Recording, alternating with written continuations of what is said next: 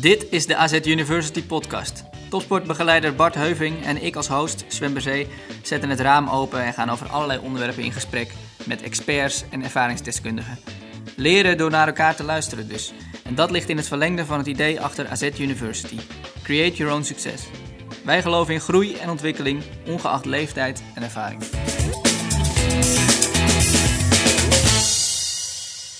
En op het Avonds Trainingscomplex is het tijd voor de negende aflevering van AZ University Podcast. We gaan het hebben over KPNI, oftewel klinische neuropsycho-immunologie.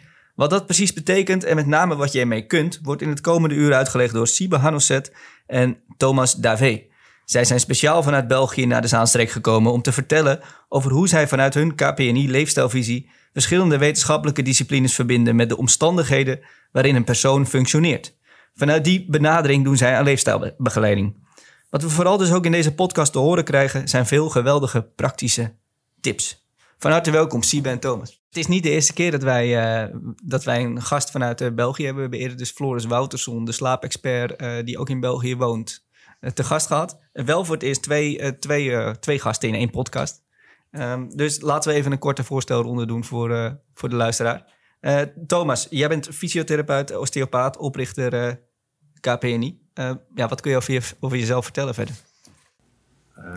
Thomas, inderdaad uit Gent, België ja, een, eigenlijk alles wat ik vroeger professioneel gedaan heb, was om voetballers te helpen om minder geblesseerd te zijn. Dus uh, waar ik eigenlijk mijn leven aan gespendeerd heb, is aan het begrijpen van de waarom-vraag als iemand gekwetst geraakte en uh, meer bepaald als iemand opnieuw gekwetst raakt. Als iemand de derde keer hamstringletsel had of, uh, of zomaar door zijn kruisband ging.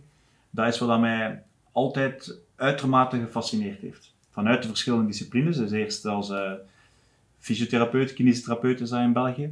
Dan osteopaat. En dan de KPNI heeft daar een nieuwe dimensie aan toegevoegd. Ja. En zo heb ik consultant geweest voor verschillende clubs. Onder andere een club hier niet zo bij vandaan. Aan, de, aan Ajax heb ik zeven jaar uh, consultant geweest. Onder andere... Het is eigenlijk een verboden woord hier natuurlijk. Op het ja, sorry. Ja. Die kun je eruit knippen. En dan zeven jaar West Ham United. En dan een paar andere teams. Ja. En nu ben ik eigenlijk quasi fulltime bezig met KPNI Belgium, op, op KPNI gedachtegoed verder te integreren in de maatschappij. En reis ik wat minder als consultant, ook omdat ik nu ondertussen drie dochters heb.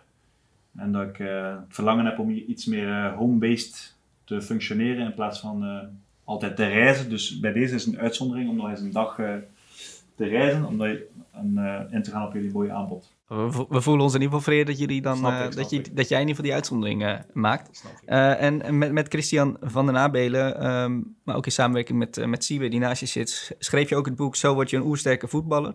Ja. Dat gaat niet alleen over fysiek, geloof ik. Hè? Nee, ja, Christian is een voetbaljournalist. Ja. En die heeft eigenlijk, als we teruggaan in de tijd, zes jaar geleden in België, dan, dan KPNI was heel onbekend. Ehm, het woord KPNI werd nul keer gegoogeld. En zoals met vele verhalen uh, wordt het vaak pas opgepikt als het uh, iets met sport te maken heeft. Ja. En uh, het nieuwe gedachtegoed van de KPNI en dan mijn rol als consultant in het voetbal en interessante kennis, dat, dat was een leuke combinatie om, om een nieuw verhaal te gaan brengen. En, en eigenlijk hebben we de KPNI in België van de grond gekregen door, door verhalen in de sport te gaan brengen, door de kennis toe te gaan passen op, op het voetbal. En uh, Christian was een, uh, of was een journalist van uh, ja, Sportvoetbalmagazine, dat is eigenlijk Voetbal International hier bij jullie het equivalent. En die heeft bijgedragen om, aan, de, aan de verspreiding.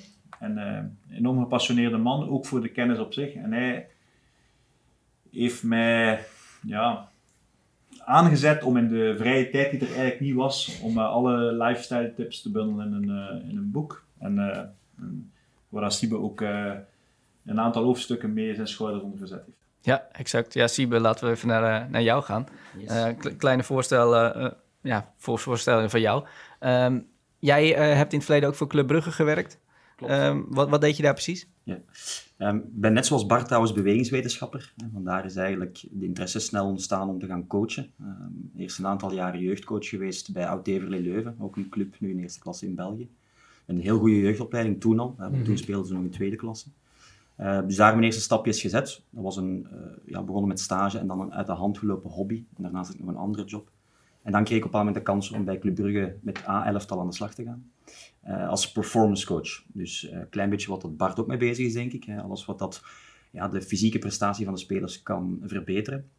Niet zozeer alleen wat er op het veld gebeurt, maar ook vooral wat er naast het veld gebeurt en wat er ook thuis gebeurt. En daar denk ik dat we nog altijd een heel grote impact kunnen maken. Ja. Um, dus zo heb ik mijn eerste stapjes in de topsportwereld gezet. En ik botste daar wel op heel wat uh, ja, onbeantwoorde vragen van waarom kan één speler maar 30 wedstrijden op een jaar spelen en de andere 60, hè, want we speelden op dat moment ook altijd Europees voetbal. Um, en waarom is één speler in minuut 60, 65 zijn concentratie kwijt en kan de andere dat wel de hele wedstrijd volhouden? Jij weigert te geloven dat dat nu helemaal zomaar is. Toeval bestaat niet. Hè? Um, en van die vanuit die insteek, um, ook in combinatie met mijn eigen gezondheidsklachten op dat moment, ben ik eigenlijk Thomas tegengekomen, Thomas Ave. En was het vrij snel het gesprek ging over KPNI. En dat misschien voor mijn eigen gezondheid, maar ook voor mijn professionele bestaan, uh, een meerwaarde kon betekenen. En de rest is ondertussen wat geschiedenis. Uh, ik ben mij in die KPNI gaan gooien en meer bepaald het intermittent living concept, waar we het vandaag denk ik wel over zullen hebben. Kom zeker terug, ja. Um, en voilà, vandaar dat ik hier zit denk ik en dat ik op die manier nu de mensen die ik begeleid, van topsporters tot ondernemers en anderen, zoveel mogelijk probeer te helpen. En dat ik heel blij ben dat ik uh, samen met KPNI Belgium ook op het vlak van andere opleiden in die materie mijn meerwaarde kan betekenen. Ja. Oké, duidelijk verhaal. En ik denk dat het woord KPNI, KPNI is al meerdere keren ingegooid inmiddels. Daar gaan we het zo meteen uitgebreid over hebben. Eerst even naar Bart Heuving, die ook al even voorbij kwam. Uh, zit hier ook naast onze topsportbegeleider bij AZ, vaste sidekick in, in deze podcast. Um, ja, waarom heb jij Thomas en uh, uitgenodigd? Um, ja, Sven, uh, allereerst nou, ook leuk om er weer te zijn. Hè? Het is dus niet alleen voor jullie, denk ik, maar voor mij ook elke keer weer, weer, weer leuk om, om aan te schuiven. Nee, waarom heb ik ze uitgenodigd? nou ja, heel simpel eigenlijk. ooit gaf ik een en bij een inspiratieavonden van SciSports, zo is het begonnen, zie ik. moest even graven, hè, want ik denk, ja, hoe hebben wij elkaar ontmoet? Want, want wij kennen elkaar eerder. Op een soort inspiratieavonden van SciSports, daar kwam ik al langer. Op een gegeven moment kwam er ook af en toe, op zo'n avond is best wel vrij, maar daar kwam ook altijd iemand wel iets vertellen. Hè, maar wel heel laagdrempelig. Nou, ik was er een keer geweest, uh, de keren ervoor. En één avond was ik er niet, want dan had ik iets anders. En toen kreeg ik allemaal appjes van mensen, ja, je bent er niet, maar uh, een Siebe staat hier. En uh, ja, dit is eigenlijk wat jij ook doet, maar dan toch weer net anders. Maar je moet een keer met hem zitten. Nou, toen heb ik eigenlijk volgens mij via via jouw nummer gekregen, hebben we contact gehad. En dat is nu al een jaar of nou, vier, vijf misschien wel.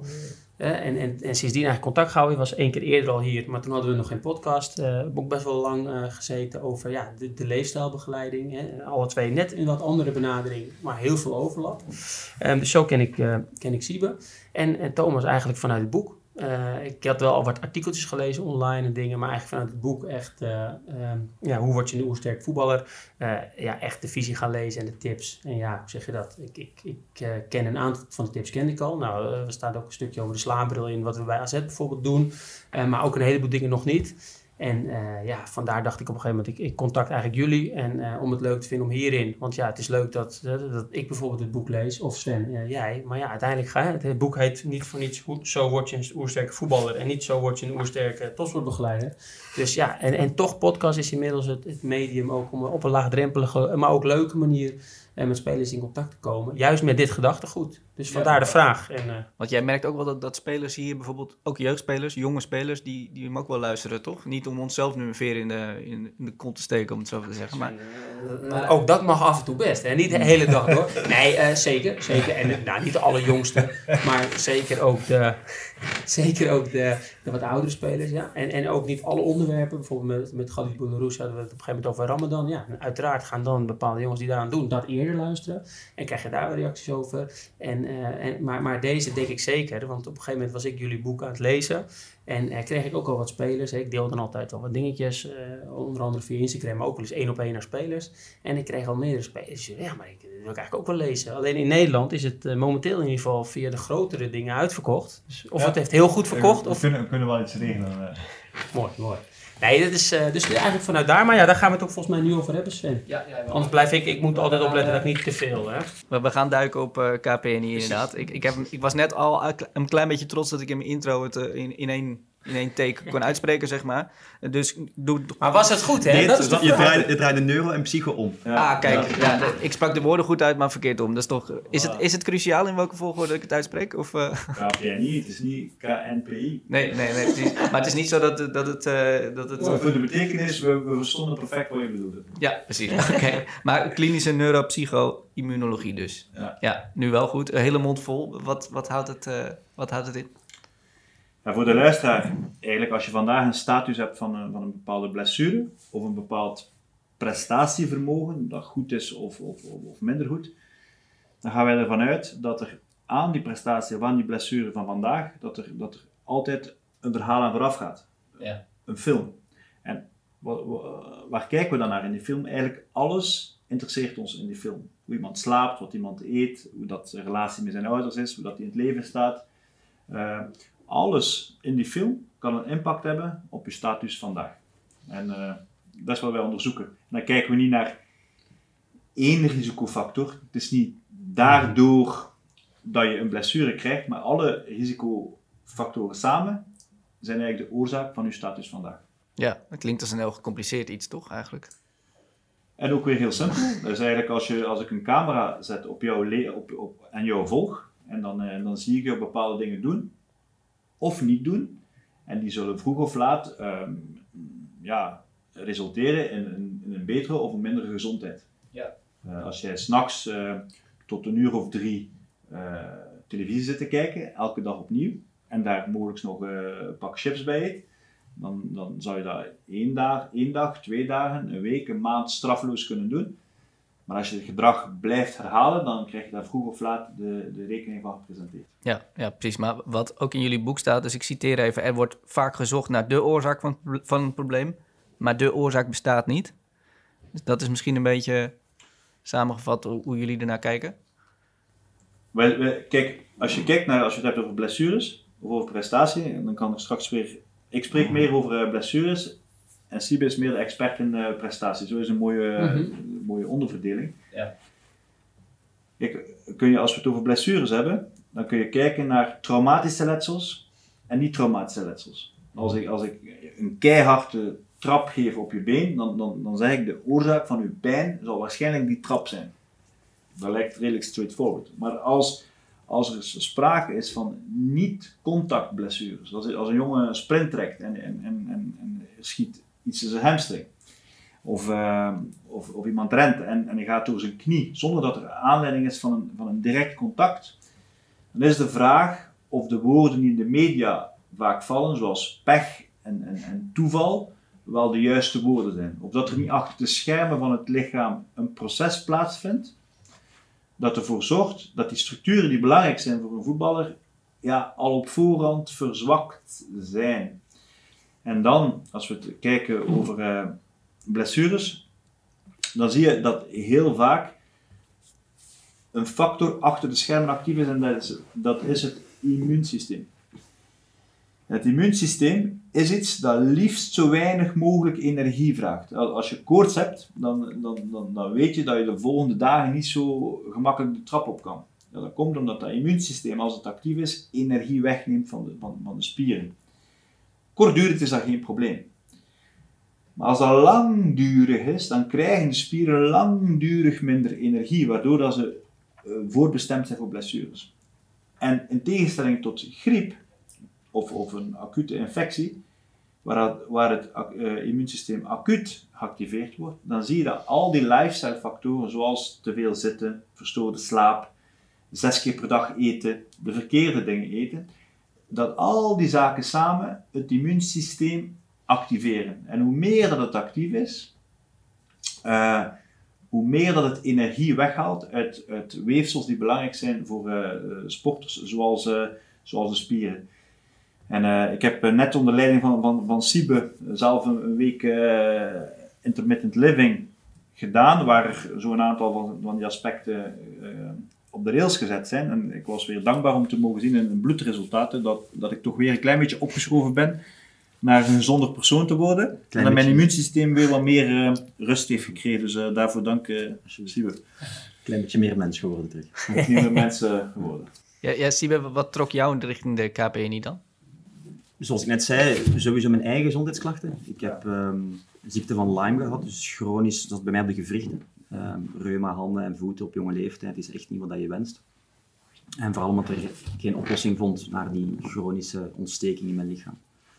KPN heeft mij daar op drie maanden tijd mee kunnen helpen, in de zin van bepaalde behandelprotocollen, dus vrij eh, extreem zeg maar, maar ik was wel af van mijn jarenlange klachten. En daarnaast dus de vele vragen die ik nog had rond ja, waarom kan die speler dat wel en dat niet. Ja, wat je net vertelde vanuit bijvoorbeeld Club Brugge. Bijvoorbeeld, ja. Ehm, en wat mij zodanig triggert in, in de visie, in het concept, met dan bij mij wel wat meer de nadruk op intermittent living zaken, zoals wat honger, wat dorst hebben af en toe, koude hitteprikkels terug gaan gebruiken, intensief die zittijd gaan doorbreken, is dat ik vooral merk dat de topsporters die ik toen begeleidde, dat kan ik nu natuurlijk niet meer zeggen, want toen kende ik KPI nog niet, maar ik nu begeleid, ehm, dat het potentieel dat die sporters hebben, dat dat pas echt kan aangesproken worden door die zaken te gaan inzetten. Ehm, en dat, je, dat sommige sporters tevreden zijn of denken dat ze aan hun maximale potentieel zitten, maar daar eigenlijk ver van af zitten. Ehm, en dan kijken we niet alleen op fysiologisch vlak, maar ook op neurologisch vlak. en dat triggert mij enorm. dat ik met een aantal interventies ervoor kan zorgen dat die sporter wel in die flow, in die clutch geraakt. En dat die eigenlijk, om het even wat er gebeurt, of die nu te weinig heeft geslapen, of die zit in een vol stadion met 80.000 mensen, of die heeft net een beslissing tegen gehad van de referee, dat die toch nog in zijn flow, in zijn clutch kan zitten om het verschil te maken. Ehm, en dat fascineert me wel enorm in, in, binnen dit concept of binnen deze tools die de KPI aanreikt, om dat te bereiken met, met topsporters, met spelers. Ja, begrijpelijk en dat, dat het je fascineert. En, en Bart, voor jou geldt hetzelfde toch? Wat, wat spreekt jou hier zo in aan? Nou, dit voelt wederom als thuiskomen, Sven, voor mij, deze gesprekken. Ja, uiteindelijk uh, in beide antwoorden hoor ik ook gewoon echt terug. En dat is trouwens een quoteje van jullie, die, die ik heel veel gebruik uh, en ooit las. het symptoom is nooit het probleem. En waarom ik dat, waar dat toen zo aan mij aansprak, uh, dat quoteje, en is eigenlijk, dat is ook precies waar ik in geloof. Hè? Dus, dus, we zijn heel vaak bezig, hè? niet alleen in het voetbal, maar überhaupt in, in, in, in de wereld, vind ik, met symptoombestrijding. Dus we zijn aan het kijken, oh iemand heeft daar last van, nou dan geven we een paracetamol. Of iemand heeft last van zijn hamstring, we gaan hem even losmasseren. Niks mis met dat jij nooit een paracetamol of nooit een keer los mag masseren. Maar wat is nou de oorzaak van het probleem? Probeer daar, of oorzaken, hè? dat is nog mooier dan waar je het net over had ook Thomas. En ga daar nou eens naar kijken wat die oorzaken zijn. En ga nou eens die oorzaken aanpakken, in plaats van alleen maar bij symptoombestrijding. Want ja, als je het symptoom bestrijdt, is de oorzaak niet weg en komt uiteindelijk het symptoom waarschijnlijk weer terug. Ja, en dat zit niet alleen in mijn visie, maar zeker ook de visie hier. Nou, zeker, nou, jullie hebben net het bord gezien van, de, van het Topsport Ontwikkelingsprogramma. Dat is eigenlijk ons, wat we doen om uiteindelijk aan die oorzaken preventief te werken. En, en, en ja, daar ben ik veel mee bezig. We noemen het ook wel eens de holistische benadering. En ja, dan is het heel leuk om ook mensen te spreken, of ze nou uit België komen of uit, uit andere landen, dat maakt dan helemaal niet uit. Maar die er ook zo in staan. En dat herkennen jullie denk ik wel. Je spreekt heel vaak specialisten. Dus je spreekt iemand die alles weet over vitamine D of alles weet over dit, maar dan niet eigenlijk, hè, bijvoorbeeld, uh, ja, ik heb dan na bewegingswetenschap en psychologie gedaan, maar ik leerde later dat slaap super belangrijk is voor je focus. Maar er zijn bijna geen sportpsychologen die het over, uh, over slaap hebben. Nou, in jullie concept, hè, in het boek ook, juist omdat je naar die vele oorzaken kijkt. En dan denk ik soms, hé, hey, wat vet, dat, dat doen we al. Maar ik zie ook sommige dingen, nou, daar komen we zeker zo bij intermittent living. Hè? Nou ja, net uh, spraken we dus Ron Vlaar ook eventjes. Die begon al over koude training. Dat was echt toeval, hè? Ik denk dat Siebe ja. denkt, is het nou geanceneerd? Maar echt, Ron kwam het eigenlijk vertellen. Ik zei, hé, hey, daar gaan wij het straks ook over hebben. Dus wij moeten, of wij moeten, wij willen ook nog wat dingen toevoegen aan het programma. En uh, nou, daar is dit onderwerp waar we het vandaag over gaan hebben een van. Ja, je hebt het over symptoombestrijding, uh, wat misschien wel te vaak gebeurt nog in de sportwereld. herkennen jullie dat allemaal, dat, dat, dat dat nog te vaak voorkomt? Uh, absoluut. Uh, op dit moment begeleid ik een aantal jongens in eerste en tweede klasse voetbal in België. En daar wordt maar al te vaak gegrepen naar de eenvoudige oplossing. Een stukje denk ik versneld door het feit van die speler moet de, binnen drie dagen alweer fit zijn. Hè? Uh, want draai of keer hoe het wilt. We hebben een aantal quick wins binnen de KPNI. Maar voedingsaanpassingen kost ja. net iets ja. meer tijd dan drie dagen. dus ik denk dat dat argumenten zijn die soms een club laten beslissen om naar symptoombestrijding te gaan. En misschien ook soms gewoon een gebrek aan kennis, of tenminste een integratieve visie waarbij we naar die oorzaken gaan kijken. Als Bart net zegt dat de link tussen slaap en focus niet wordt gelegd, of amper, ja, dan zijn er nog wel zo linken te maken. En dan gaan we zelfs waarschijnlijk hebben over het feit dat een koud bad niet alleen na een wedstrijd de spierschade kan beperken en dus herstel kan bevorderen naar de volgende wedstrijd, maar kan je ook aan spiermassa opbouw doen door koude baden te doen. Dat is- is kennis die in heel veel clubs nog niet zit. Ja. Dus eh, nogmaals, ja, dankbaar dat ik op een bepaald moment eh, de KPNI heb leren kennen, omdat het mij heel veel extra inzichten heeft gegeven. Ja. Dus dat is hoe dat ik erover denk. Ja. Voor mij is dit een eh, open deur eh, in, intrappen. Eh, omdat dit zo is waar ik mij heel mijn leven aan gewijd heb, is om het begrijpen van waarom dat iemand een letsel heeft. Maar de waarheid is dat, dat ik een stuk van mijn nee, gedrevenheid is niet het woord, maar ik begrijp misschien beter ook nu de mindset van, eh, van, van, van, van de jonge voetballer, hoe dat ik zelf was vroeger. eh, als, ik vroeg, als, ik, als, ik jong was, dan had ik ook eh, pasta met kaas en, eh, en een beetje pesto. En als ik een eerste blessure had, dan, dan, dan, dan dacht ik waarschijnlijk ook niet verder dan mijn neus lang was. Eh, eh, eigenlijk is het in mijn ervaring, denk dat ik nu een jaar of kleine twintig jaar in de topsport, topvoetbal meedraai, dan, dan, dan zie ik dat, dat er bij de spelers vaak een gebrek aan, aan, aan kennis is, en daar, begint, daar begint het mee, om die verbanden te gaan zien, dat iemand hen hen dat uitlegt. Eh, Ja. Al te vaak wordt er inderdaad nog een ontstekingsremmer gegeven, eh, of wordt er gewoon gemasseerd of, of gewoon oefentherapie gedaan. Ehm, waardoor dat ik zelf, eerlijk gezegd, er een, gelaten is misschien een te groot woord. Maar vroeger had ik de idee om heel de voetbalwereld eh, te gaan veranderen. Want het is kennis die iedereen zou moeten beheersen. Dat is nog niet gelukt. is nog niet gelukt. En ben, ben er ook rustiger geworden. Ja. Ehm, maar, maar vroeger had ik het idee, damn, hoe kan dat nu? Van, van, dit zou iedereen moeten interesseren. Ja. Maar vaak is het zo, eerlijk gezegd, dat het, ik spreek voor de meeste jongens, dat maar kennis is waar ze in geïnteresseerd geraken Mhm. op een natuurlijke manier. Niet bij de eerste setback, maar bij het, de tweede, de Ja. derde keer, bij de derde, vierde blessure. En dat het normaal, dat het niet meer van zichzelf geneest. En dat het met de klassieke interventies die gedaan worden ook niet meer helpt. Dan pas is er een noodzaak om te gaan, te gaan zoeken. En ik vind dat vaak een gemiste kans. En daarom dat ik vind, wat, dat- wat dat jullie met tonen, Bart, eh, van, van die systematische methodiek van jongens meenemen in dit verhaal van lifestyle van, van jongs af aan. Ja, en niet alleen de jongens zelf, maar ook hun ouders bijvoorbeeld. En dan ouders, dan zeg ik van, ja, dat is, dat is mooi, omdat je dan een gesprek start met een jongen als er iets eh, voorvalt. Ja, uw startpunt is anders. Ja, precies. Zit al iets ergens in de rugzak.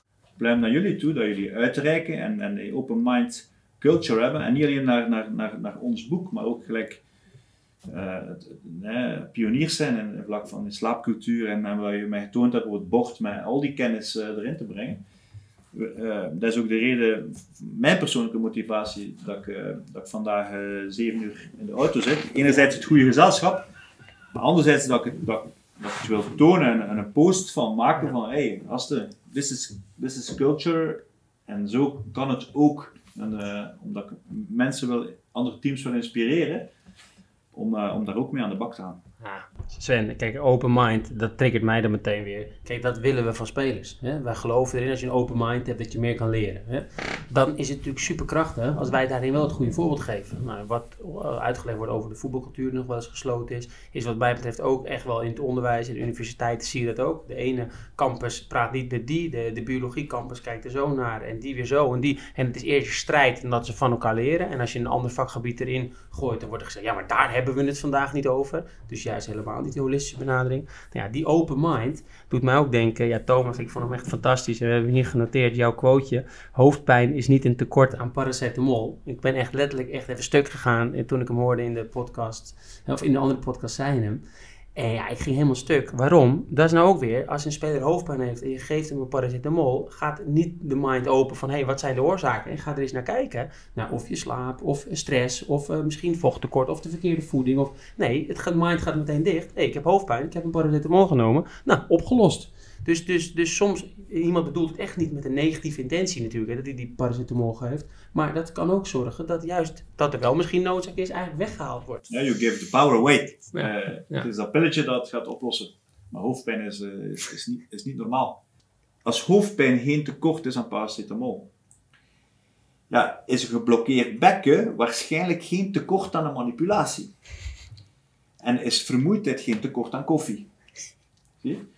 Een bekken kan geblokkeerd zijn, maar dan zit er daar in de stap daarachter zitten er verschillende factoren in lifestyle. Die zullen impact hebben op je darmen, op, het, op je organen. Die darmen en organen die liggen aan de binnenkant van dat per toeval geblokkeerde bekken. En, en, dat, is, en dat is waar jullie uh, met jullie bedrijf, want, want, dat is natuurlijk ook, uh, naar kijken. Ik kijk naar de presentatie, uh, naar, de, naar de blessures. En Sibe met het, met het living verhaal zegt van, kijk, het verlies van, waar laat ik bij hem... ja, het, verlies, het, verlies, van noodzaak gewoon. Hè. vandaag, topsportwereld of niet topsportwereld, wij kennen geen noodzaak meer. en als je dan opnieuw door intermittent living interventies die noodzaken terug kan gaan creëren, dan kan je pas dat potentieel waar je daar straks van sprak, ten volle terug gaan uh, activeren, zeg maar. Ja. Um, en dan kan je daar voorbeelden genoeg van aanhalen van spelers die misschien in de jonge jaren wel noodzaak hebben gekend, die uh, met het openbaar vervoer vier, vijf broertjes moesten meepakken naar school. Uh, die type spelers hebben van jongs af aan een noodzaak en zie je vaak dat die type spelers heel anders op een voetbalveld staan dan jongens waar alles werd voor gedaan van jongs af aan. Ja. Um, dus je ziet misschien ook dat, dat als ze bij het eerste komen, dat misschien ook die, die noodzaak dan wegvalt om.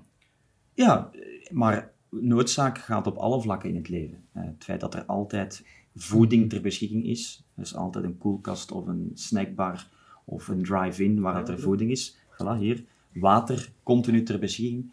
Uh, het is trouwens heel fijn om op te merken dat het hier niet zo warm is. Het is hier vrij fris prima.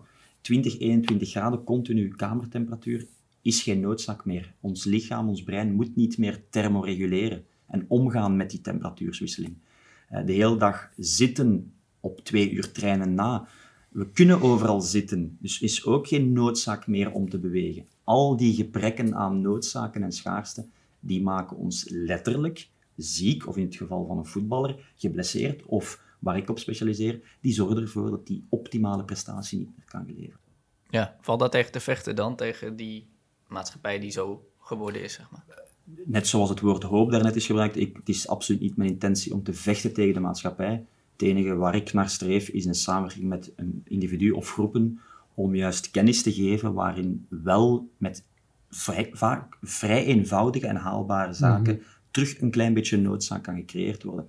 En dat kan dan bijvoorbeeld door af en toe wat honger en dorst terug te installeren. Eh, door af en toe koude en hitteprikkels terug te installeren. Door een zuurstofprikkel met een bepaalde ademhalingsoefening te installeren. Ja. Door een zittijdonderbreking, ook al ben je topsporter. Hè. Thomas was in West Ham betrokken in het onderzoek dat je gedaan hebt. Uh, 79% van de dag wordt er door een voetballer, topvoetballer gezeten of gelegen. Ja, wij zijn niet gemaakt om zo lang op een dag te zitten of liggen. En ook al is recuperatie belangrijk, wil niet zeggen dat we onafgebroken zo lang moeten zitten. Dat heeft dan weer impact op een ja, chronisch actief immuunsysteem, meer blessures, maar ook gewoon prestatieverlies. Dus af en toe, laten we zeggen, om het uur die zittijd doorbreken, ook voor een voetballer op het hoogste niveau, in zijn tweede deel van de dag, als hij thuis zit te liggen of zitten, is interessant. En dat is opnieuw terug breken met die comfort, breken met die chroniciteit, gebrek aan noodzaak. Ja, precies. En wie, wie is nou precies jullie doelgroep? Even voor het, ja, voor het totaalplaatje, zeg maar. Wie, wie komen er naar jullie toe? Zijn dat mensen die al... Het is een vraag die aan ons beiden moet stellen, denk ik. We hebben allebei onze affiniteit. Ik werk heel graag met wat ik noem high performers. En high performers zijn topsporters. En ik, ik begeleid bijvoorbeeld ook een wereldkampioen jetski. Uh, we begeleiden samen, of hebben samen begeleid, een pro-baseballspeler die nu in Japan speelt, een Nederlander trouwens. Um, een aantal voetballers die we begeleiden. Een badmintonner die ik nu begeleid, de nationale damesploeg rugby. Maar zijn dat mensen die al zelf vanuit natuur op zoek gaan naar de oorzaak in plaats van symptoombestrijding? Of? Beide. Individueel heb je sommige mm -hmm. sporters die vanuit, zoals Thomas het zegt, een eerste blessure, tweede blessure, derde blessure of ten einde raad zijn van ik raak niet meer in de selectie, dus wat moet ik doen, bij ons komen. Anderen die misschien net iets meer in een groeimindset zitten om toch nog beter te worden. Hmm. Um, anderen die voelen van ik moet dat laatste stapje kunnen zetten naar die eerste ploeg en daar heb ik nog iets voor nodig. Um, dat, en dan naast voor mij ook werkende met ondernemers en bedrijfsleiders. En ook eigenlijk high performers. Dat triggert mij enorm om... Eigenlijk komt het er bij mij op neer van mensen die al op een vrij hoog niveau presteren, om daar toch bepaalde percentages extra aan te geven. En, en dan leent zich het intermittent living concept enorm om daar rond te werken. Dus dat is mijn affiniteit, dat boeit mij het meest, dat is mijn passie. Bij Thomas ligt die waarschijnlijk net iets anders. Kijk, ik vind het wel fijn, Bart, dat je echt benoemd hebt dat ik uit het hart mag. Ja, nee, dat is, dat is de podcast voor bedoeld. Ja, zeker. Laten we, laten we eerlijk blijven, inderdaad. Knippen wordt er niet gedaan. KPNI Belgium. En ehm, eigenlijk willen we de hele maatschappij eh, eh, in beweging brengen. Ehm, we willen therapeuten opleiden die, die eigenlijk kennen. We zijn therapeuten aan het opleiden. De, de opleiding gaat supergoed. En we willen de kennis brengen bij allemaal end consumers, dus de klanten van al die therapeuten. Dus eh, we, we willen de hele maatschappij, de bedrijfswereld, eh, de ziekere mensen, de jongere mensen. We zijn, we zijn bezig met eh, iets voor kinderen ook te gaan doen, dus, dus iedereen. Maar ik wil er juist nog iets toevoegen aan het verhaal van Siba, als ik mag. Wat ik een, een, een heel interessante boodschap zou vinden om te verspreiden in de maatschappij en aan, aan spelers, is om hen te zeggen, lieve vriend, uw gedrag is normaal. Als jij gewoon de hele dag zit te gamen, op je kont zit en gewoon iets uit de, koelkast neemt, is uw gedrag normaal. Als, als er geen noodzaak is, waar het over, over heeft, en eten is hier beschikbaar, dan is het niet normaal dat je eerst even lekker een rondje gaat rennen. Om iets, dat- dat- waarom, zou je dat, waarom zou je dat nu doen? Precies. We hebben dat evolutionair. Pakt waarschijnlijk het eten, ja. Vroeger hebben we dat nooit gedaan. Dus als, als vroeger alles rijp was en klaar en, en, en oh, vis was ter beschikking en, en fruit was er rijp. Dan denk ik niet zeggen van, ah, ik ga eerst even 20 kilometer rennen. Of ik ga eerst even 30 keer opdrukken, alvorens dat ik die aardbeien ga opeten. Zie je? Ja, dus, Er was één groot verschil. Er is één groot verschil. Als het vroeger de overvloed aanwezig was, was het niet heel de tijd door aanwezig. Er was een nazomer waar dat alles aanwezig was. Er was soms overvloed en er was soms schaarste. En nu zijn we die schaarste kwijt, omdat hè, je hebt het water hier voor onze neus gezet. Ik heb het geweigerd en de thee, de thee die je aanbood eh, heb ik ook geweigerd. Dus ik ben, al, ik, heb ik ben nog nuchter vandaag, ik heb nog niets gedronken vandaag. Eh, bewust. Hè? Want we hebben wel zoveel uren in de auto gezeten. Dus op vlak van beweging heb ik het niet zo goed gedaan. Maar ik heb wel eigenlijk mijn lichaam een prikkel gegeven. Misschien naar Siebe, eh, naar Siebe teruggeven dan van een intermittent drinking, omdat dat zijn ding is. Maar het gaat erom, van, we zitten nu in een context dat we altijd drinken, denken hebben, we hebben altijd voeding hebben en er is geen ritme meer. Er is geen afwisseling van schaarste en overvloed. En ik zeg, als er altijd overvloed is, dan is er geen noodzaak voor uw hersenen om, om, om te thriven, om energy te hebben, om, om die voeding te gaan zoeken. Dus dat gedrag is normaal, inderdaad, wat je zegt. En, en, en dus, dus, eh, dus daarom zeg ik, dat gedrag is normaal, maar je wordt, gaat er niet beter van gaan voetballen. Je moet vooral heel bewust. Je moet ervoor kiezen Ja. om mezelf, kijk, het is normale gedrag, dus je, je kan, je zou ervoor kunnen kiezen, als je het potentieel van je hersenen zou willen maximaliseren, om af en toe bewust is de comfortzone te verlaten en, en honger of dorst of bewegingsprikkels aan te bieden om juist het potentieel te behouden. Net zoals dan Homo sapiens vroeger krachtig was, door die afwisseling. Dus zul je nu bewust moeten die afwisseling gaan introduceren. Maar het is een bewuste keuze. Ja. jongen, het is normaal dat je doet wat je doet, maar beter ga je niet van voetballen. Nee, nee, oké. Bart, ehm, dit, dit is wel een mooie natuurlijk. Hè? Je zou zeggen, jullie zijn ook wel eens op bezoek geweest bij eh, jeugdopleidingen waar alles voorhanden is, bijvoorbeeld. En misschien is dat bij AZ ook wel zo, dat weet ik niet precies. Nou ja, kijk, eh, uiteindelijk de open mind weer terug. De eerste keer dat ik het boek las of met Siebe in contact kwam, onder andere over zittijd, maar daar komen we zo nog, eh, nog een steken een stukje op terug, dacht ik ook van wow, ja, daar heb ik eigenlijk helemaal niet naar gekeken. Of naar inderdaad de beschikbaarheid van. Hè. Ik was juist eerst altijd bezig hè, ervoor te zorgen dat jongens bijvoorbeeld meer water gingen drinken in plaats van frisdrank. Dus ik zie echt, dit, ook voor mij is het echt als een soort weer vervolgstapje van, oh ja, daar moeten we ook naar kijken.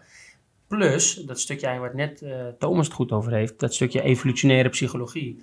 Ja, dat vind ik super interessant. En heb ik ook in Nederland toevallig uh, Mikkel Hofstee wel eens over gesproken. Die heeft, nou, de boekentitel van hem lijkt die van jullie. Zijn boekentitel heet Oermens 2.0. En die vertelt eigenlijk ook dit verhaal. En hij doet dan weer in andere, nou, weet niet per se of het een andere doelgroep is, maar doet het wat meer dan in het bedrijfsleven, in grote bedrijven. Maar eigenlijk zijn de principes die hij uitlegt en de, en de dingen niet precies hetzelfde, maar redelijk vergelijkbaar. Ja, dat vind ik zo mooi ook. En wie zijn jullie doelgroep? Andere aanvliegroute, maar uiteindelijk hoor ik ook inderdaad gewoon iets teweeg brengen in de maatschappij. Want ja, het is voor voetballers goed, ja, het is voor high performers, maar eigenlijk als je het zo hoort, de voorbeelden voor iedereen. En, en, en in het boek stond volgens mij, of, of ik heb het in een artikel gelezen, maar ook vroeger was het hè, Winter is coming. Denk ook aan de Game of Thrones. Maar ja, die is tegenwoordig niet meer coming. Want de, de, temperatuur is er, het eten. En ja, dan is het, ja, word je gewoon niet alleen uh, lichamelijk minder goed van, ook in je hoofd. Ja, er is, er is amper noodzaak. En dan denken we van, ah, het is toch fijn, het voelt toch relaxed. Maar iets wat op de korte termijn fijn voelt, nou dan kom je antifragiel. Hè. Ik probeer hem een beetje naar de boekenkasten te, te, te, Daar gaan we zo naartoe, ja zeker. Precies. Ja. Uh, in antifragiel, ja, dan gaat het ook daar precies over. Van je moet af en toe, ondanks dat er allemaal is, echt zorgen voor, ja, voor die verstoring. Om, en dan komt die, om uiteindelijk beter te worden. Ja, ja exact. Nou ja, je gooit hem er, al, je gooit hem er al in, de, de boekenrubriek eigenlijk. Dus uh, ja, dan gaan we naar... Bart's boekenkast. Ja, Bart. Ja, jouw boekenkast staat altijd open om, uh, twee, uh, twee gasten. Om nieuwe boeken dus, erin te krijgen. Dus, dus twee gasten, dus ik hoef, uh, ik hoef niet meer, ik hoef nu, mag ik zeggen, eens per persoon. Ik hoef de, de, de rubriek inmiddels niet meer te introduceren. Hopelijk, hopelijk hebben we nu luisteraars die het weten. Dus man, ik ga meteen naar jullie. hebben jullie er één? Nou, ik, ik, ga Anti-Fragile noemen van Nassim Taleb. Um, waarom? Omdat het gewoon gaat over waar intermittent living om draait. En dat is dat we ik kan het misschien, ik kan het misschien niet mooier verwoorden als, als if you're only willing to do what's easy, life will be hard. But if mooi. you're willing to do what's hard, life will become very, very easy. En dat geldt voor ieder van ons, voor heel die maatschappij, niet alleen voor de voetballer. Het komt erop neer dat we heel kwetsbaar worden, dat we zwakker, dikker en dommer worden ja. door die comfortzone met gebrek aan noodzaken waar we op vandaag in leven. Dat we eigenlijk door bepaalde momenten van schaarste en noodzaak terug te creëren, terug een stukje antifragieler of onverstoorbaarder kunnen worden. Of dus dat, dat, dat, is de boodschap in het boek? Dat, je dat is de boodschap in het boek. En in het boek gaat het over veel meer dan... Het gaat over een maatschappelijk standpunt ook. Maar ik denk dat ieder van ons daar iets kan uithalen voor zichzelf in zijn eigen leven. Of het nu topsporter is, ondernemer, zieke mensen of... Ja, exact. Thomas, heb jij ook een, een boek ik heb, ik heb een, uh, in gedachten? Ik heb een boek en ik, ik, uh, voor een bepaalde reden gooi ik er nu in. Het is een boek dat ik zelf al uh, misschien tien keer gelezen heb. En, uh, het heet Naar het hart van communicatie van uh, Erik Schneider. Erik Schneider is een neurolinguistisch programmeren. Dat heeft te maken met communicatie, maar ook hoe, hoe, praat je naar een ander en hoe praat je tegen jezelf. Maar ik wil de link maken naar mijn eigen boek. En waar jij ook de aanzet uh, over gegeven hebt, Bart, is dat ik eigenlijk elke voetballer zou adviseren om afscheid te nemen van uh, het voetbal. Oké, okay, dat, dat is een uh, ja, stevig advies volgens mij. Is een stevig advies. Neymar was volgens mij van de week al van plan om eventueel vroegtijdig te stoppen. Maar, is waar, is waar? Ja. Maar ja, misschien heeft het boek gelezen. Nee. Wellicht, ja. Uh, nee, het is een soort oefening. Het is een soort oefening. Uh, kijk, in het traject, in, in, ik heb zelf een NLP-traject gedaan bij de, bij de schrijver van, van het boek. En dan ben ik zelf door, door een uh, proces gegaan. En het eerste jaar, ik heb het verschillende jaren gedaan. Het eerste jaar is van, uh, wat doe ik waardoor dat ik een bepaald resultaat bekom? En dan, wat denk ik waardoor dat ik doe wat ik doe en een bepaald resultaat bekom? En door verder te gaan is, wie ben ik? Die denkt wat hij denkt en doet wat hij doet en daardoor een bepaald resultaat uh, behaalt. Als, als mens, als, als sporter, als ondernemer, als, als ouder, als persoon in het leven. Dat, is een vraag, dat zijn vragen die uh, een voetballer zichzelf ook moet stellen. Dat zou kunnen, dat zijn vragen die ik mij gesteld heb. En, en, ja. en hetgene die, die, die dankzij de NLP en dankzij dit boek en dankzij de opleiding. Maar kijk, ik zie heel dikwijls in het voetbal dat, dat jongens geïdentificeerd zijn met het voetballer zijn. Ik ben een voetballer. Maar, maar bij elke carrière hoort, hoort uh, tegenslag, een trainer die je niet selecteert, eh, een, contract dat niet verlengd wordt, een, een blessure. En de vraag is dan, is, wie ben je als je geen voetballer bent? En ik vind het heel interessant om, om, om daar proactief over, over na te denken en, en te voelen van, stel dat ik niet zo, niet zo voetballen, wat zou, ik dan, wat zou ik dan doen? En dat plaatst u een beetje met de voeten op de grond, maar nog veel meer heeft de potentie om je plezier aan te wakkeren.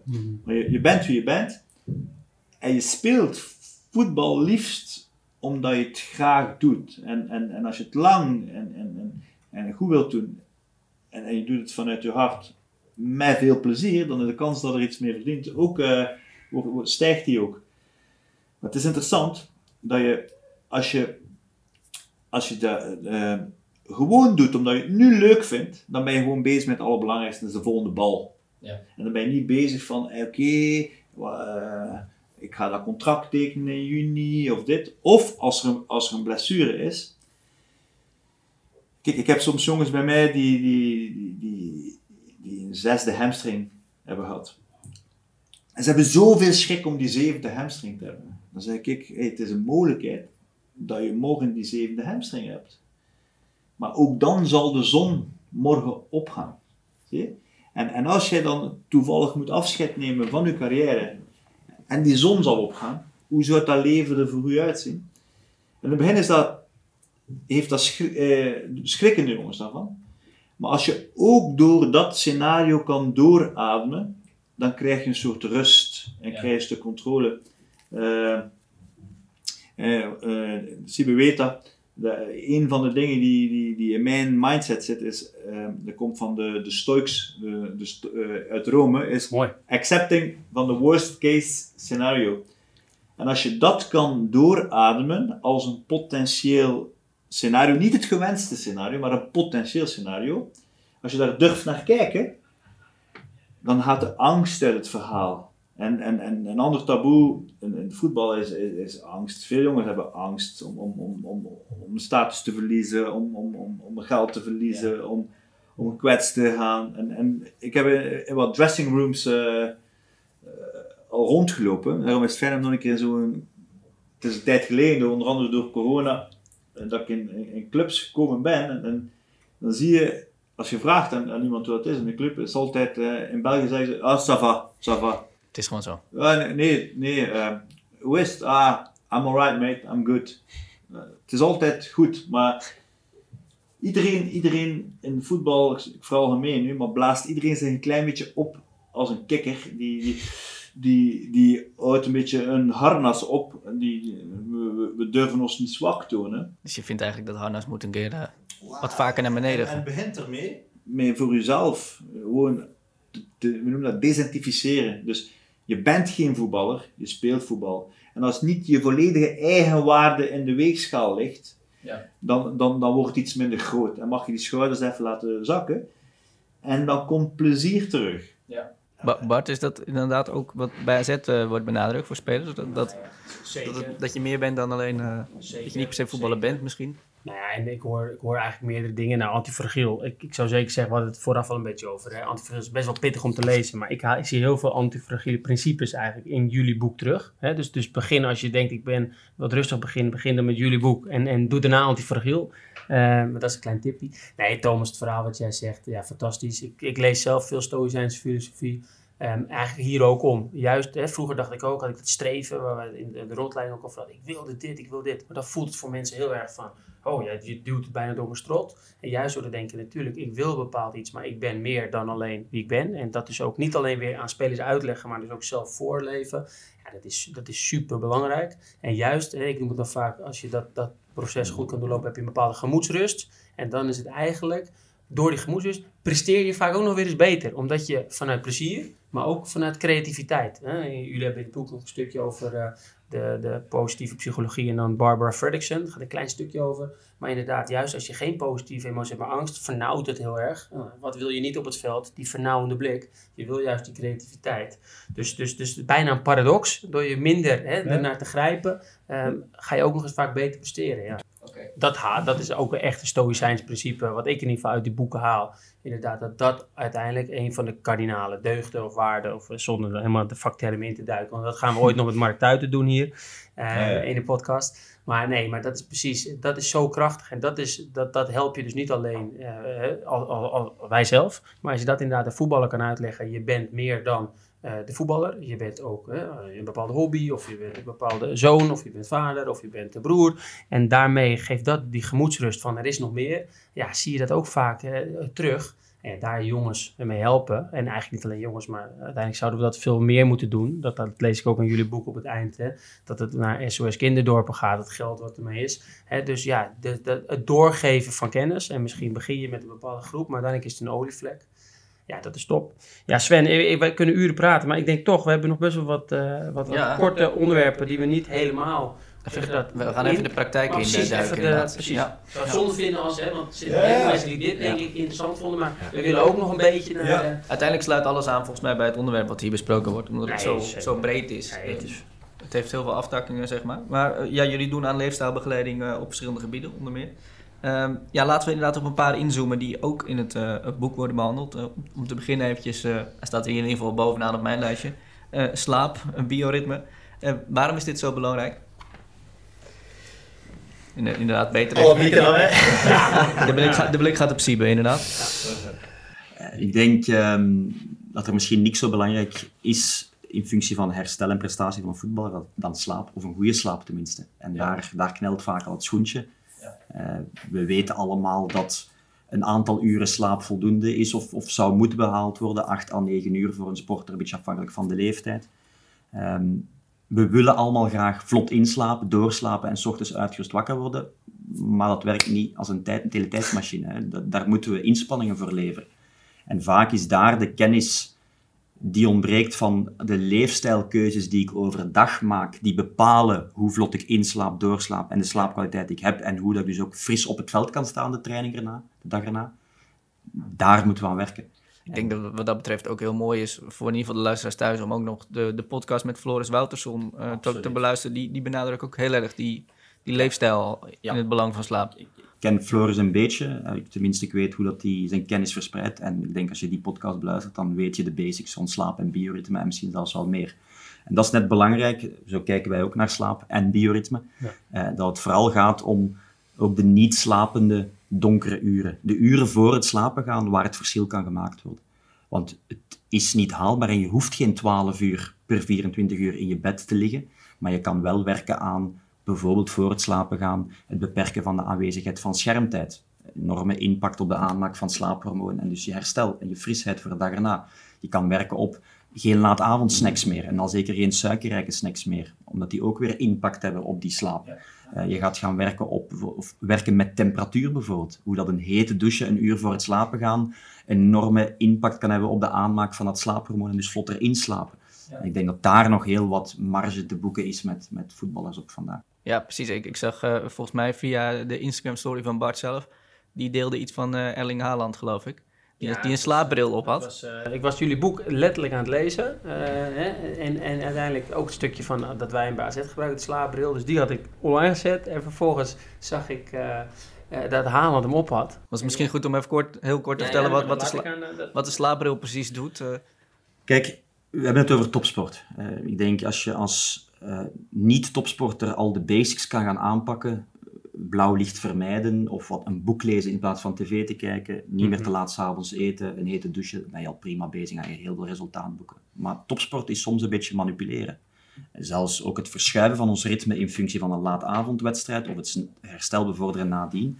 Dus dan heb je soms extra tools nodig. En die tools zijn er meer en meer door het toenemende technologie. En dan heb je eh, een blue light filterbril die je s'avonds kan opzetten, waar AZ trouwens een aantal jaar geleden al, denk ik, voorloper was in dat verhaal. Waarin dat je met die bril, s'avonds op te zetten, toch nog dat schadelijke blue light kan filteren van de schermtijd. Ja. Maar tegenwoordig heb je ook brillen die juist overdag, s ochtends, bright light kunnen gaan geven. Er zijn twee belangrijke hormonen in functie van slaap en energiek voelen. Is één, melatonine, het slaaphormoon. Dat wil je liefst zoveel mogelijk s'avonds en s'nachts, voor herstellen en herwinnen van frisheid. Maar je hebt ook cortisol, het hormoon, hormoon van de dag genaamd, dat mij dat energieke, fitte gevoel geeft, s ochtends, en dan neemt dan geleidelijk aan naar de avond weer terug af. Of zo zou het moeten zijn. En wat zien we heel vaak door de levensstijl die wij leven, of die onze topsporters leven, dat door van overdreven zitten en liggen de hele namiddagavond tot heel veel schermtijd, laat avond eten, dat dat helemaal verstoord geraakt, dat melatonine en cortisol eh, bioritme, zeg maar. En dan kan je met een bright light bril of een retimer glasses kan je gaan werken om juist op bepaalde momenten fel licht te geven. En opnieuw op die manier je bioritme meer synchroon te krijgen. Wordt gebruikt door individuele atleten. Zwemmers veel, ja. Ja, wordt gebruikt door de nationale ploeg van Australië, omdat die veel reizen doorheen de tijd. Hè, want dat- ook dat is topsport, omgaan met jetlags en, en verschuiven of vervroegen van bioritme. En wordt ook gewoon meer en meer in de praktijk gebruikt. Ik draag momenteel elke ochtend zo een bright light bril om de winterblues, waar ik toch wel soms wat last van heb, tegen te gaan. Als ik 's ochtends om 6 uur, 6 uur 30 opsta en het is pikken donker, heb ik geen zin om uitgerust uit mijn bed te stappen. Maar als ik die bril draag, dan voel ik dat ik op die manier mijn bioritme toch een klein beetje meer in synchroon kan brengen. Dus Misschien een goed idee, want zelf zet ik altijd een stukje blues op in de ochtend, maar misschien dat dat dan de tegenovergestelde werking heeft. Ja. Dus eh, eh, nee, maar ik denk ook heel mooi dat iemand als Haaland dat draagt. Dat is natuurlijk het perfecte voorbeeld, hè? Want we kunnen het hier in een podcast zeggen, maar die, die, die jeugdspelers die Haaland dat zien dragen, dat, In het boek stond dan Lewandowski, dus daar ben ik heel blij mee. Die gebruik ik al veel als voorbeeld. En toen ook nog Haaland. Ja, het zijn toch niet de minst presterende aanvallende spelers momenteel. Dus ja, is het, het is fijn als die het ook doen. Hè, Ja. want, ja. Help mee. Ja. Het helpt wel mee, ja. Ka- Kanté die misschien vast op wedstrijddag. En Nee, we, goeie- we- we komen zo op voeding. Zeker, zeker. We, we gaan het eerst eventjes hebben over zittijd. kwam net ook al even te sprake. Ehm, ja, waar, waarom, wat, is daar, wat is daar precies eh, zo belangrijk aan? Want het werd al eventjes kort benoemd. ik denk dat we om de beurt inpakken, niet? Moet hem op, maar. Ja, je, hebt, je hebt het onderzoek gevoerd, eh, onder andere, dus... eh, Thomas dan bij deze. Ja. Oké, dus eh, we maken een onderscheid tussen, tussen twee factoren als we het hebben over beweging. Eén is dus de activiteiten dat jongens op het veld staan, of, of dat iemand anders eh, een sportactiviteit doet. En bijvoorbeeld drie keer, vier keer een uur en een half in de week of zo. Of, vijf keer. Maar stel nu als iemand overdag heel de tijd zit en dan s'avonds gewoon twee uur gaat gaan sporten, dan, dan het s'avonds sporten compenseert niet voor de zittijd eh, voor de rest van de dag.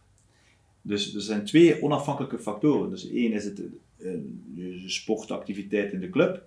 Als je, eh, dus dat is een risicofactor die voor voetballers natuurlijk afgedekt wordt, dat is geen probleem.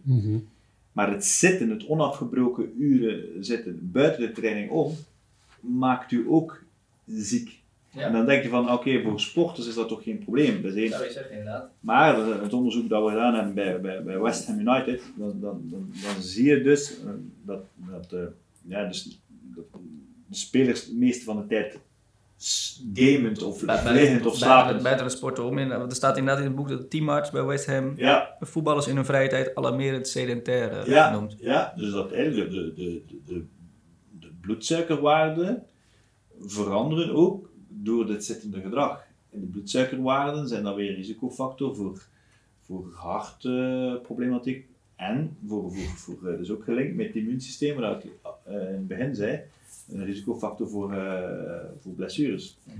Dus, maar dat is, dat, is, dat, is, dat is een andere mindset, omdat normaal gezien, zij in de sport, je traint en de rest van de dag blijf je zo eh, vlak, eh, zoveel mogelijk in ruststatus. En, en misschien helpt het om een soort metafoor te gebruiken. Kijk, de, de allergezondste mensen, die zijn de, de, de, of onder andere een van de gezondste, zijn de Hadzabe in Tanzania. Dus die hebben eigenlijk quasi nul cardiovasculaire ziektebeelden. Die hebben geen, geen hartproblemen en geen beschavingsziekten in, in het algemeen. Maar dan zie je dat die, in de, in literatuur noemen ze het, eh, zij zijn heel de dag up and doing. Dus ze, ze, ze, ze, klimmen een keer in een boom om een baobab, een bananenbrood te, eh, eh, te, te, te grijpen. Ze, ze hakken eens mee een bijl. Ze wandelen eens uren aan een stuk om zaken te, te verzamelen. Ze zijn heel de dag bezig. En dan zie je dat zij weinig blessures hebben. Ik ken weinig Hadzabe die als je een sprintje trekken, die een hamstring aan, scharde, aan, aan, zullen scheuren. Snap je? Zelfs club bijna, eh, Zo- Zo'n eh, wasabi, of wat, zou ik zeggen? Wasabi. Wasabi, sorry. Eh, eh. Wasabi, mooi hè? Ja, moesten ze- Toch geen honger hè Sven? Ja, ja. Moesten die Wasabi's kunnen voetballen, dan zou ik erover nadenken om ze te contracteren. Want op vlak van blessures zou je op zich wel eh, redelijk safe zitten. Maar aan de andere kant komen ze dan natuurlijk in een nieuwe wereld terecht, waarin ze misschien niet meer genoodzaakt zijn om veel te bewegen. En, Ja, ja. Dus, eh, Dus dan moeten we ze ook weer de kennis geven. En eh dat komt ook wel goed. wat, wat, wat kun je hier als club dan bijvoorbeeld mee doen? Want je kunt moeilijk zeggen van jullie mogen niet meer, eh, niet meer zitten, jongens. Je moet gewoon, dus gewoon heel simpel. Als je het kunt met kennis, maar je kunt gewoon zeggen van kijk, blijf, blijf alsjeblieft op die, op die eh, nieuwe versie van FIFA, als het nog mag, spelen. Maar onderbreek het spelletje Ja. met even op te drukken. Ja. Of, of, of doe wat touwtjes springen tussendoor. Of, of, of neem eens even de trap op en neer en doe het handvolgende spel. Dat is eigenlijk je hart eraan herinneren dat je Mhm. een mens bent. Door, door eigenlijk af en toe die hartslag omhoog te doen. Kijk, voor, voor, voor, voor de jongens van, eh, die, die, die op dit niveau sporten, dan helpt het niet meer even eh, op te staan en naar, naar de keuken een glaasje water te halen, snap je? Dus ze moeten even die hartslag omhoog. Gewoon even die prikkel, een minuut, twee minuten, drie minuten, vier minuten. Siebe werkt ook graag eh, met het Tabata. Tabata is zo'n format van een 4 minuten oefening met 20 seconden activiteit, 10 seconden rust. En 8 keer 20 seconden activiteit, 8 keer 10 seconden rust. Om zo even 4 minuten tussendoor die hartslag omhoog te doen. Kijk, als jongens los van de training dit, dit twee, drie keer per dag zouden doen. Optimaal zeggen wij elk half uur, dat is niet haalbaar. Maar als je dat bijvoorbeeld al drie keer tussendoor vier minuten zou doen, ja, dan maak je al een wereld van verschil als preventieve maatregel. Wordt hier bij AZ ook aandacht aan besteed, Bart? Eh, Nog niet echt met de Tabata, maar wel bijvoorbeeld, nee, ik heb hem zelf nu om en ik, je ziet er best veel trainers die hè, bepaalde ehm, smartwatches, en dan niet om, alsnog op je mobiel met dingen, maar veel meer die bijvoorbeeld even gaan trillen, even de reminder geven als je te lang stil hebt gezeten. Dus dat, dat stukje wel al meer, dus, dus de Tabata is nog een, een, een- de volgende stap, maar wel al nou, de studie, en die ook in het boek besproken staat, bespreken, en, maar ook soms gewoon ook weer echt educatie. Soms doen jongens het echt niet expres, die zeggen, ja, maar het is toch goed voor mijn herstel als ik blijf liggen?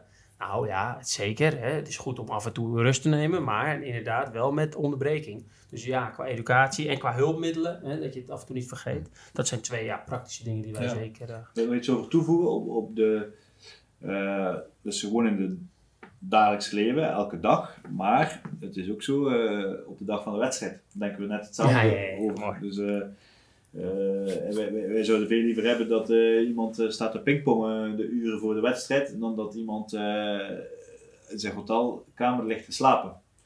Ehm, ja, dat hoort daar eigenlijk bij. Uit uw bed u klaarmaken onmiddellijk voor de wedstrijd. Het kan voor sommige mensen oké zijn, omdat het waarschijnlijk altijd zo in de cultuur zit.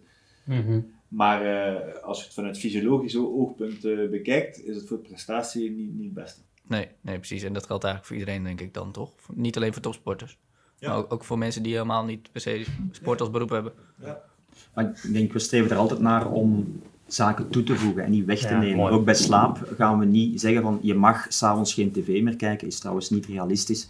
Maar voeg dan een blue light filterbril toe.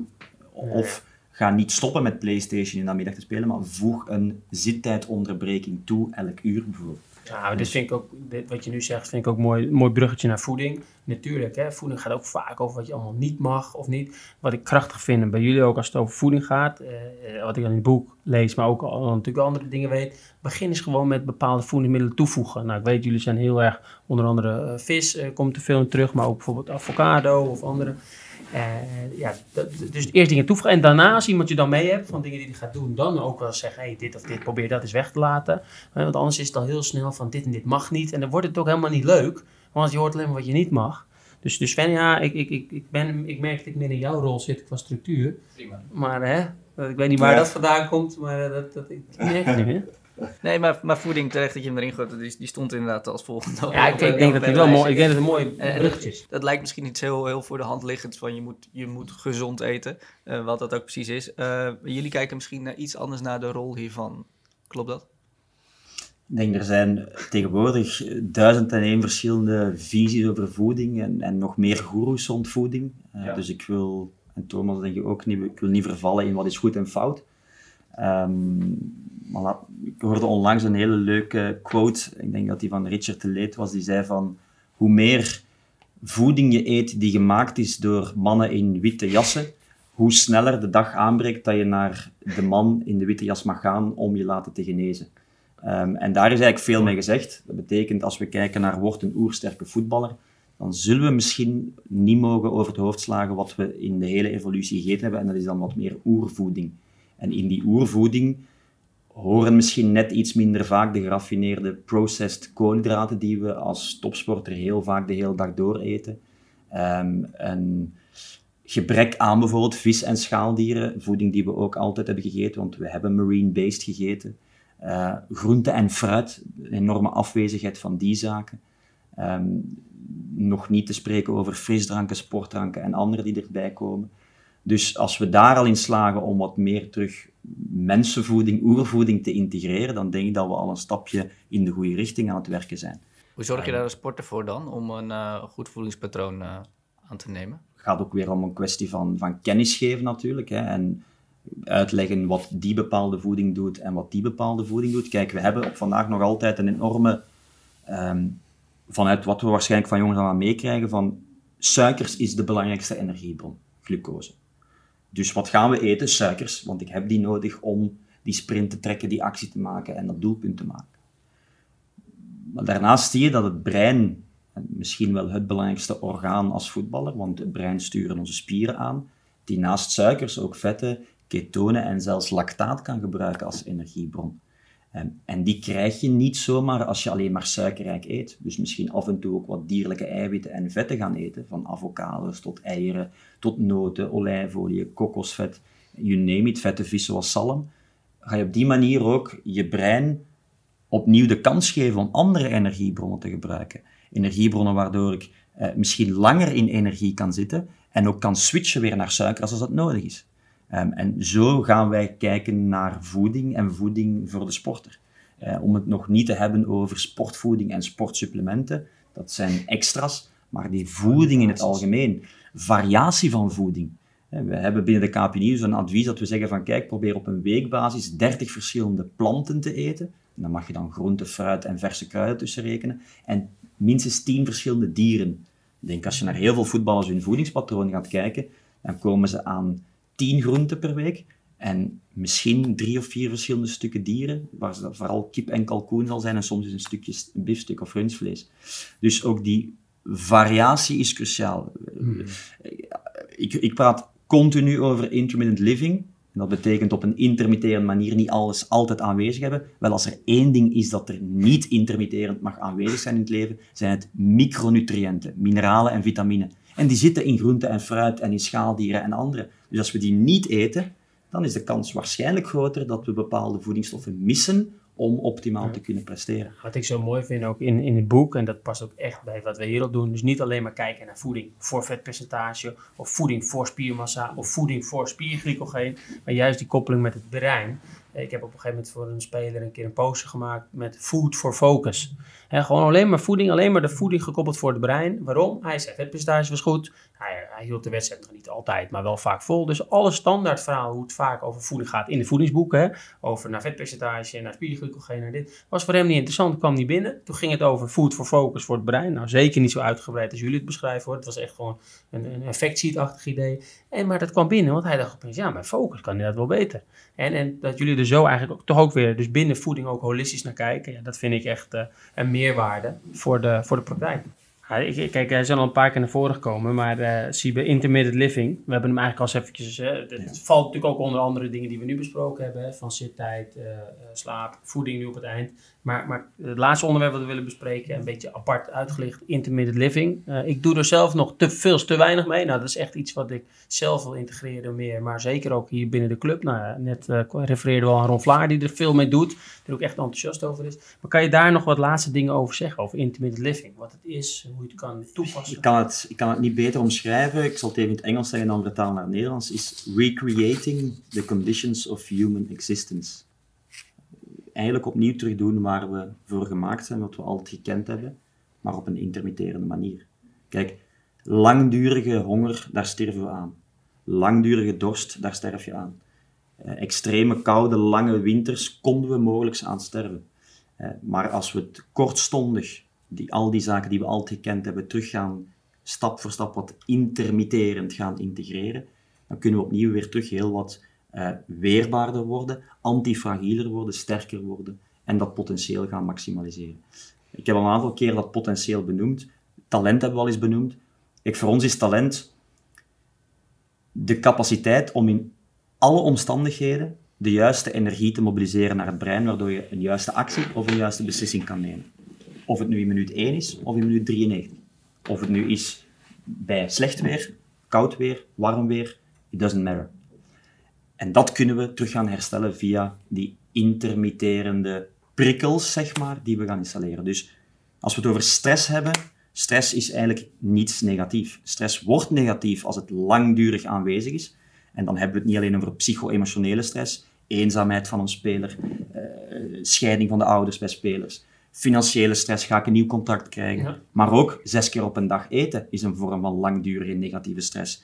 Uh, langdurig onafgebroken zitten is een vorm van langdurige stress. Altijd 20, 21 graden is een vorm van stress voor een speler negatief. Dat zijn allemaal zaken die vanuit de wetenschap bewezen zijn. Ja, Uh, onder andere het onderzoek dat we aantonen van die zittijd, maar ook een hoge Ja. maaltijdfrequentie heeft impact op je bloedsuiker, insulinespiegels, gaat je immuunsysteem chronisch activeren, gaat dus je prestatie af laten nemen.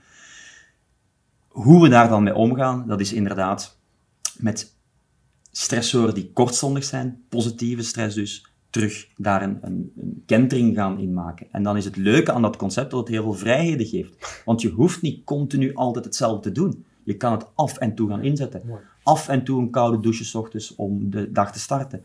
Af en toe een hypoxie-ademhalingsoefening doen of tien keer naar elkaar sprinten is eigenlijk ook een vorm van hypoxie-ademhalingsoefening.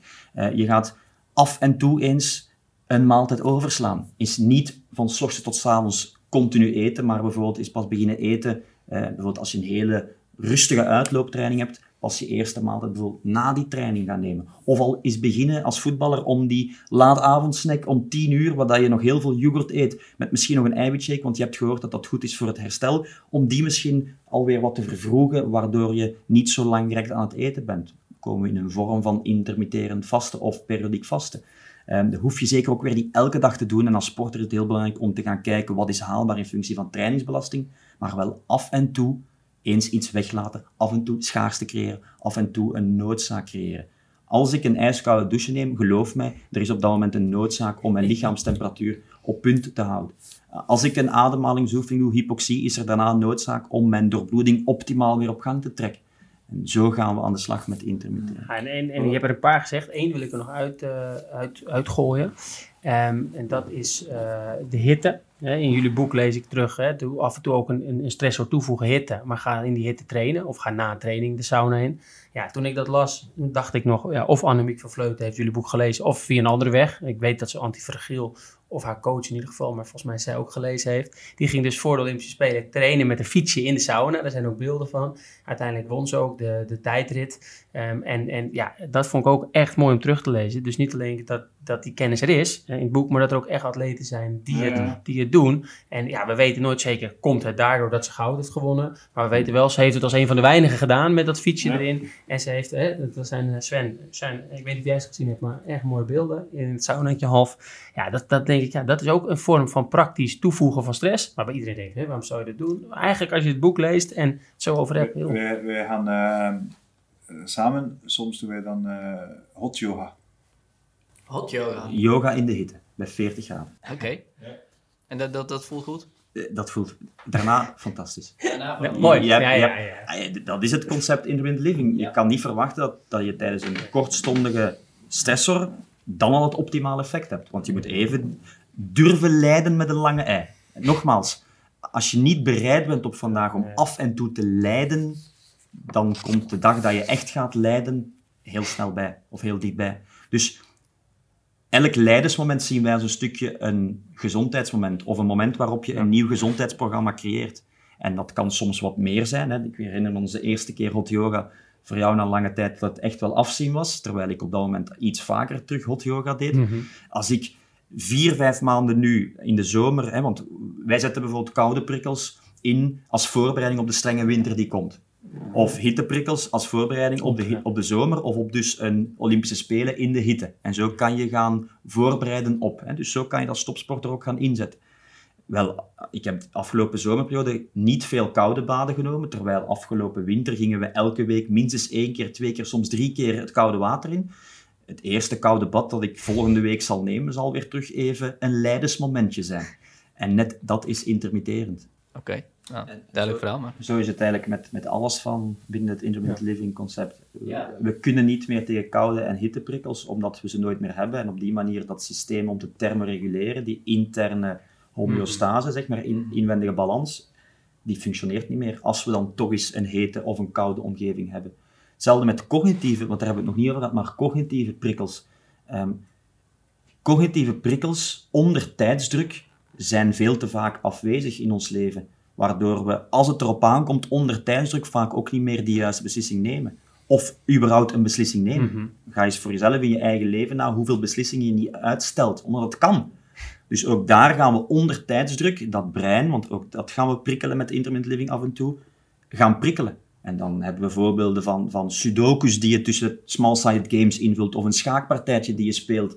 En op die manier gaan we externe prikkels zoveel mogelijk toevoegen, waardoor de impact van een training ook verhoogt, om op wedstrijd eigenlijk, it doesn't matter what happens, we can deal with it. We zitten in onze flow en we doen ons ding, we Stress, doen ja. wat we willen doen. Heel mooi, ja. Dat is ook eh, eh, los wat ik aan jullie boek terugla- teruglas over Nagelsman. Maar inderdaad weet ik dat best wel veel Duitse trainers dat, dat principe toevoegen van stress toevoegen tijdens de training. Of bijvoorbeeld de ruimte zo klein maken. Wat ook een soort extra stress is, hè. Dus, dus los van, van eh, sudoku of schaken. Maar en waar, waar je daarmee ook kan spelen. En, en ook trainers in de jeugd die dat gedaan hebben al, al best wel lang. Onder andere oud topsportbegeleider en, en luisteraar, hopelijk eh, Jeroen Peetoom. Die dat wel eens deed met twee partijtjes of twee positiespellen door elkaar. Dat eerst die spelers dachten, we slaan het op, twee door elkaar dit. Maar dat was stress toevoegen. Dat vervolgens met het hoofddoel dat in de wedstrijd, wat een ruimte.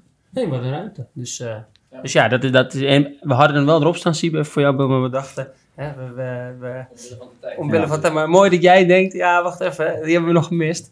Nog één vraag over dat intermittent living. Want, want je kunt als speler misschien het besef hebben dat je er iets mee moet doen. Maar moet je dan bijvoorbeeld naar een specialist gaan? Of, of kun je dat ook op eigen houtje helemaal aanpakken? Zo? Alles kan je waarschijnlijk niet op eigen houtje. Hè. Als we het op een bepaald moment hebben over een intermitterende hypercapnia-oefening, waarbij je in een plastic zak gaat in- en uitademen en dus met zuurstof en CO2 gaat spelen, om je antipanieksysteem te trainen en dus minder podiumvrees bijvoorbeeld te hebben als positief effect. Dat zou ik niet op eigen houtje zomaar gaan uitproberen. Dat doe je bij voorkeur onder Nee. begeleiding. Of als je, een ander voorbeeld, als je een koud bad of een ijsbad neemt, ga niet zomaar experimenteren. Ik kan tot 2 graden gaan, ik kan er 20 minuten in zitten. Ik post het op Instagram, fantastisch. Maar het gevolg kan wel zijn dat je doorbloeding in je handen drie of vier maanden slecht loopt. Omdat je te toxisch bent geweest. Dus nogmaals, en gelukkig hebben we daar protocollen voor, en het is dus zeker geen randomized werk. We respecteren een aantal protocollen. Als we een optimaal effect willen hebben, het mag niet te toxisch zijn. Hetzelfde met beweging. Je wilt niet ondertraind zijn, maar je wilt ook overtraind zijn. Dus de juiste dosis is heel belangrijk. En als je daar niet de kennis rond hebt, wat is de juiste dosis, dan zou mijn advies zijn, laat je daarin begeleiden. Lees het boek, daar ga je al heel wat tips en tricks in krijgen. Ehm, en, en ga dan voor jezelf eens kijken van, ah, dat lukt me. Misschien kan ik nu nog een uurtje langer vasten. Of op die manier kan je dan wel eens wat gaan, vanuit je eigen context gaan experimenteren. Daarmee komen we ongeveer eh, aan bij het einde van deze podcast. Maar we, we eindigen altijd met een praktische tip nog. Normaal van één gast, nu van twee. Dus eh, ja, aan jullie om nog eh, aan de luisteraar thuis nog een praktische tip eh, mee te geven. Ehm, een hele krachtige voor mij, omdat ik ook gewoon weet wat de impact heeft op het hele systeem. Want we hebben het nu gehad over de voordelen van bonding en zelfvertrouwen en noem maar op. En waterresorptie, maar dus intermittent drinking. Af en toe echt eens dorst hebben.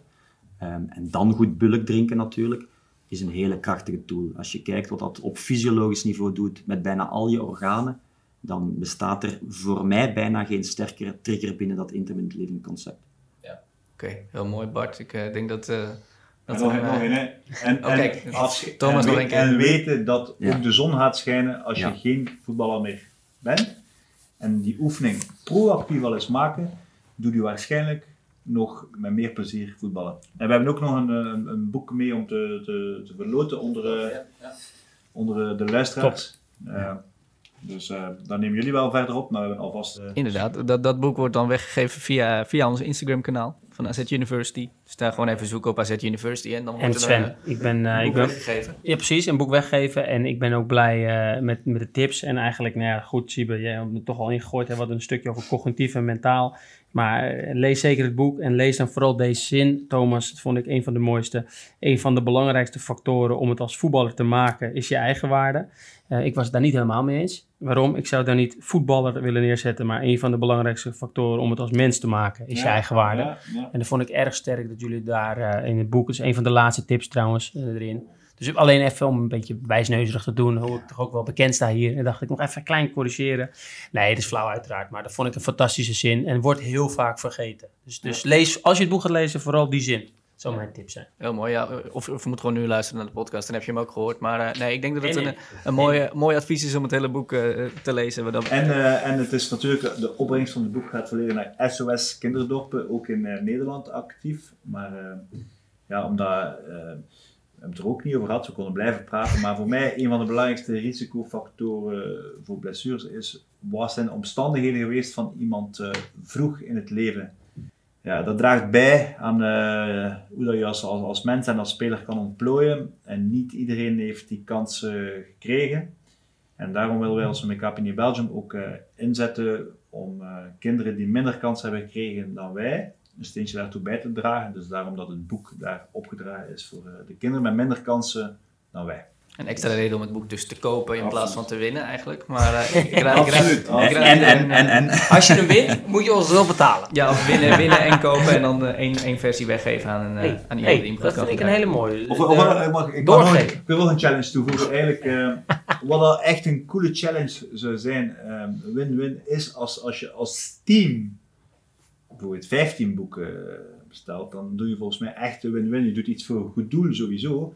Maar stel nu, stel je gewoon even voor, voel het even, als, als, als elk lid van het team eh, 1, 2, 3, vier tips van de 18 zou integreren in zijn eigen leven, wat dat er zou gebeuren met de kwaliteit van, van het team. We hadden zo'n zo'n idee, eh, Siebe sparrend, eh, eh, eh, als sparrend met, met had ik het er eens over. Stel je voor dat je al, al, als team dit boek zou lezen en dan komt Siebe bijvoorbeeld voor de groep staan om te sparren met wat er leeft in die groep, wat er gebeurd is na het lezen van het, boek, eh, van het boek.